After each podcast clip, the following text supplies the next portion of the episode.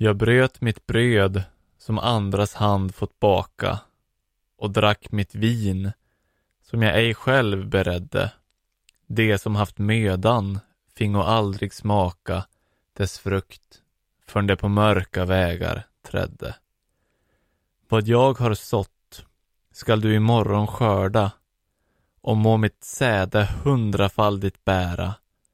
Det bära fröjd som bära andras börda. Det skära liv som andras skördar skära.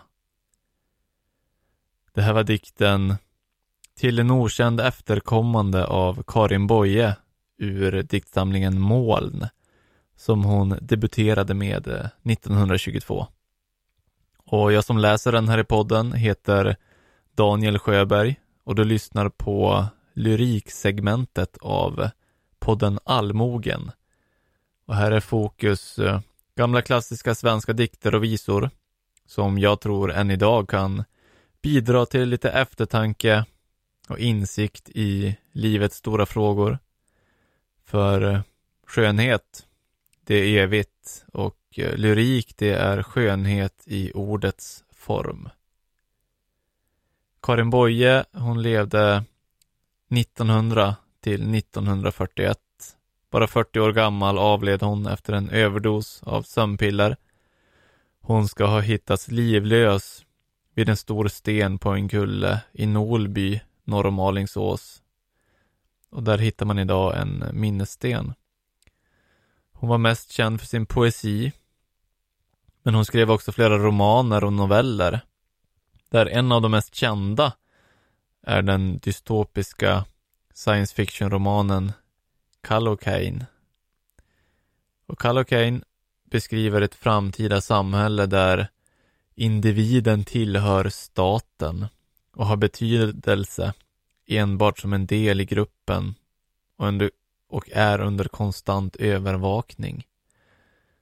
Men romanen beskriver också hur djupa mänskliga känslor som kärlek, strävan efter frihet tar plats och tränger fram trots det här ständiga övervakandet och det här stängda samhället. Men åter till dikten nu. Vad jag har sått skall du imorgon skörda. Det skära liv som andras skördar skära. Du har säkert hört det också. Att Sverige är ett rikt land. Att Sverige har råd. Så brukar det låta när någon politiker eller opinionsbildare vill spendera skattebetalarnas pengar, våra pengar, på olika saker som högst sannolikt inte ligger så mycket i medborgarnas intresse, men desto mer i opinionsbildarens personliga intresse och agenda. Hur nu den här påstådda rikedomen går ihop med att svensk allmoge idag är en av jordens mest privat skuldsatta befolkningar. Den som är satt i skuld är icke fri. Eller hur var det nu? Men något annat de här människorna inte pratar om, det är hur Sverige blev ett rikt land. Vi har här i landet från början just inte fått någonting till skänks. Och det var Vilhelm Moberg som sa så i ett tal i Norrtälje den 12 oktober 1947. Ett tal som fått titeln På frihetens grund i boken I sanningens och fantasins namn, talaren Vilhelm Moberg från 2011. Vilhelm Moberg kallade berättelsen om de som från början byggt upp Sverige för en heroisk epos. I ett annat tal på Svenska flaggans dag i Gävle den 6 juni 1944. Han berättar hur utlänningar som reste genom Sverige för länge sedan alltid visade så stor förvåning över hur fattigt och kargt landet var. Han berättar hur de klagar över usla vägar, uselt boende och skrämmande stora skogar. Men folket, det idoga och strävsamma folket, det tåliga, uthålliga folket, som Moberg skrev, vann deras beundran. Moberg fortsätter i talet från 1947. Jag citerar. Det som först bröt svensk bygd fick icke räkna sina arbetstimmar. Marken var stenbemängd och obrukelig. Sommaren var kort och vintern lång. Avstånden förskräckande och de smala fästigarna, de enda framkomliga vägarna. Redskapen var primitiva. Det land som fäderna fått på sin lott överflödade icke av bröd och ännu mindre av mjölk och honung. De fick ofta blanda trädens bark i brödet och äta knopp och ljung och drav. Under oändliga mödor och prövningar odlades landet och gjordes beboeligt.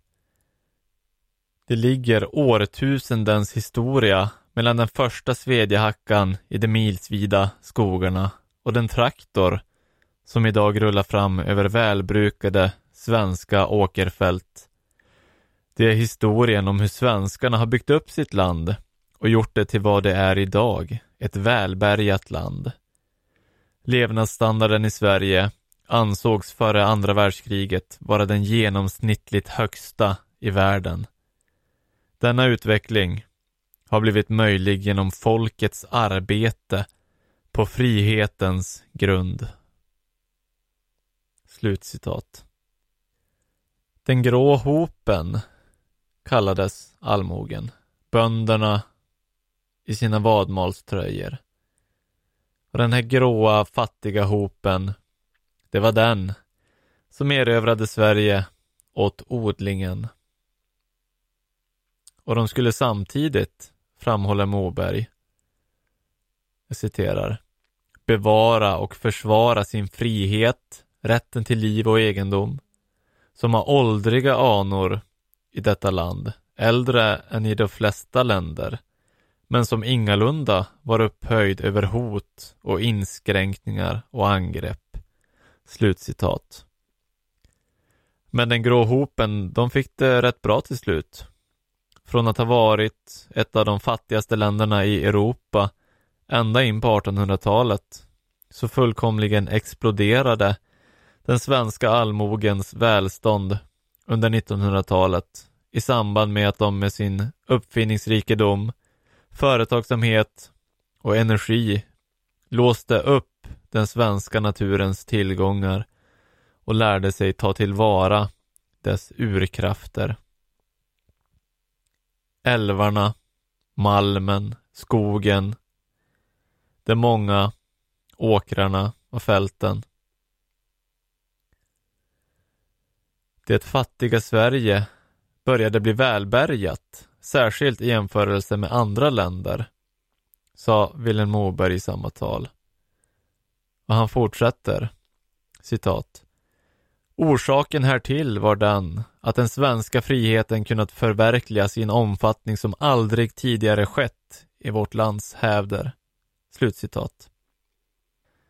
Än i dagens Sverige lever vi i många avseenden fortfarande på den skörd som tidigare generationer sådde. Det här landets välstånd, den mark vi står på, den röjdes, gödslades och planterades av människor som sedan länge är döda och i många fall bortglömda. Våra förfäder. Och i det här talet i Gävle 1944 berättar Moberg, jag citerar, Sålunda är vårt land även de dödas land, deras som försvunnit i namnlösa gravar kring sockenkyrkorna. De har brutit denna bygd och murat dessa stengärdesgårdar. De har satt sin prägel på landet. Och vi nu levande är präglade av vårt ursprung. Vi är alla komna från bönders, torpares och backstugsittares stugor. Genom längre eller kortare släktkedjor. Vi är av deras blod. Genom dem går våra rötter, som vi kan följa genom årtusenden. Det är en stor församling.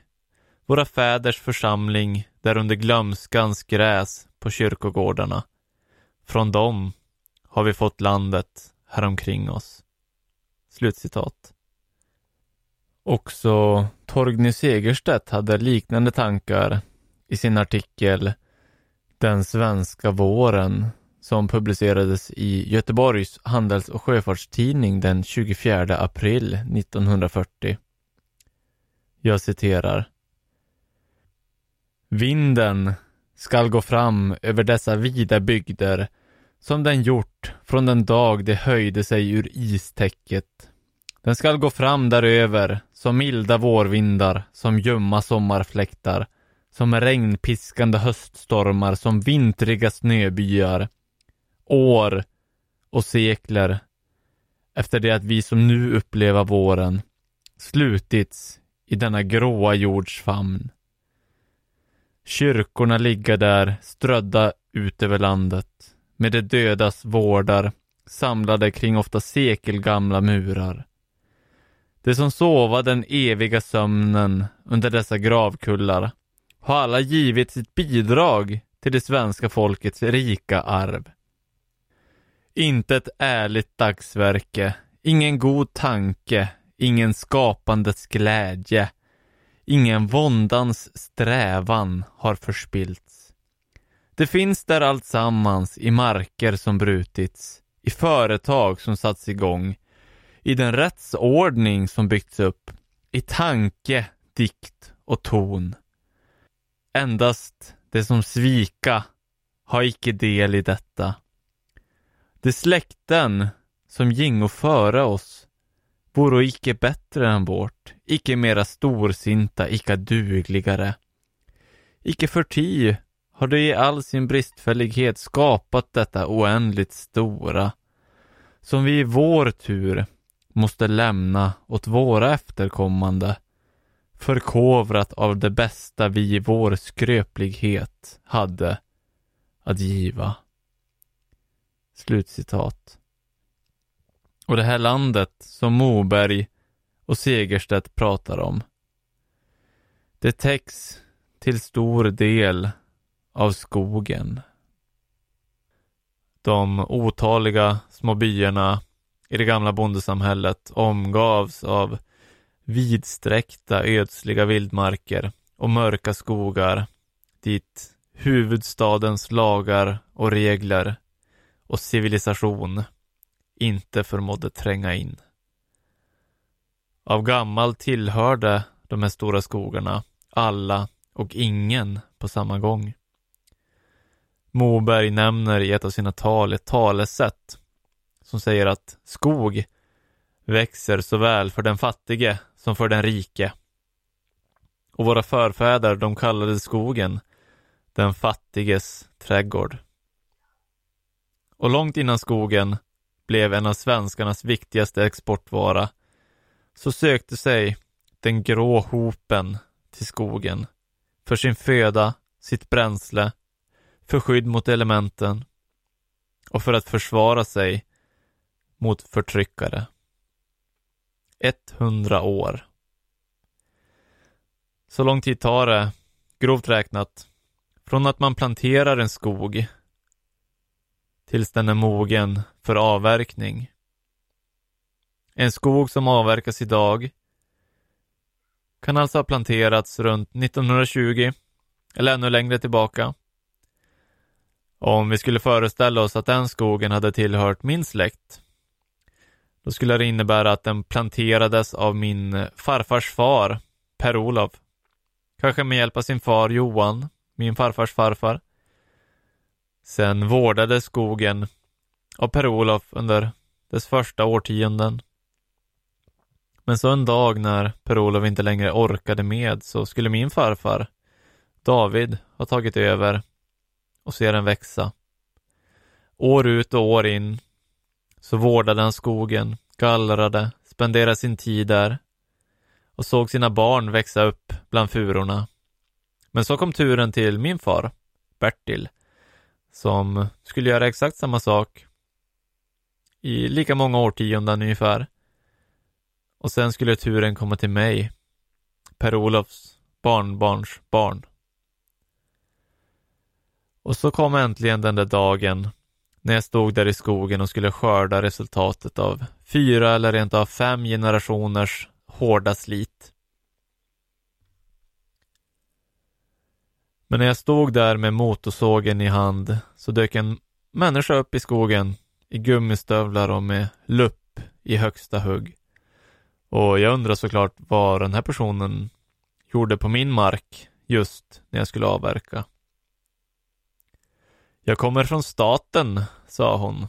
Och det är nog lika bra att du glömmer den här avverkningen. Det är nämligen så att vi har hittat en mycket sällsynt skalbagge i din skog och har därför klassat skogen som skyddsvärd. Så du kommer ändå inte kunna hitta någon som vill köpa virket. Ingen ersättning utgår tyvärr, för om vi skulle behöva ersätta dig måste vi ersätta alla andra skogsägare också. Och det har staten inte råd med. Slut på historien. Så här ser det faktiskt ut idag med svenska skogsägares rätt till sin egendom.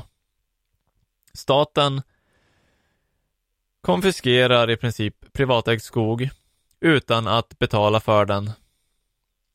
Och den som betvivlar att staten skulle göra något sånt kan ju bara lyssna på frågan som ställdes av den statliga skogsutredaren Charlotta Riberdahl under Almedalsveckan 2016.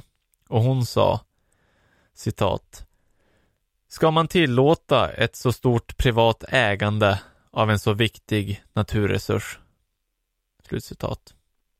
Och nu fick hon sparken från sitt uppdrag direkt efter det här uttalandet, men det säger ändå mycket om statens syn på äganderätten, på allmogens rätt till sin skog och mark.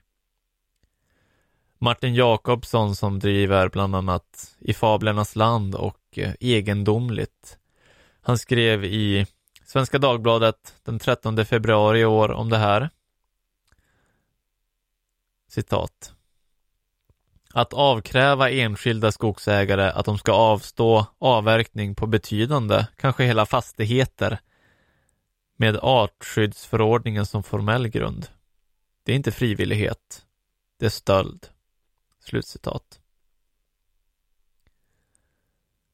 Och vi har ju i Sverige idag eh, så att skogsägare frivilligt får avstå skog just eh, för miljösyfte och för att eh, främja biologisk mångfald. Men vissa tycker inte att det är nog utan de vill med tvång stoppa folk från att bruka sin skog och de vill inte ersätta skogsägarna för det. Vad jag har sått skall du imorgon skörda. Men om man inte är säker på att få skörda det man sår, vad tror ni då händer med människors vilja att sätta nya frön och plantor i jorden? Om du var genuint osäker på om du skulle få ut en lön i slutet av månaden, hur taggad skulle du då vara att gå till jobbet? Och än mer säker i sin rätt behöver man ju vara när tidshorisonten är 40, 60 eller rent av 120 år som en del skogar kräver för att växa till sig. 120 år. Under den tiden inträffar 30 val till riksdagen. Politikernas tidshorisont är kort och skogsägarens är väldigt lång. Och då är frågan, vem tror ni fattar bäst långsiktiga beslut för skogen. Som skogsägare planterar man träd vars skugga kanske aldrig kommer falla över ens ansikte. Men man gör det ändå.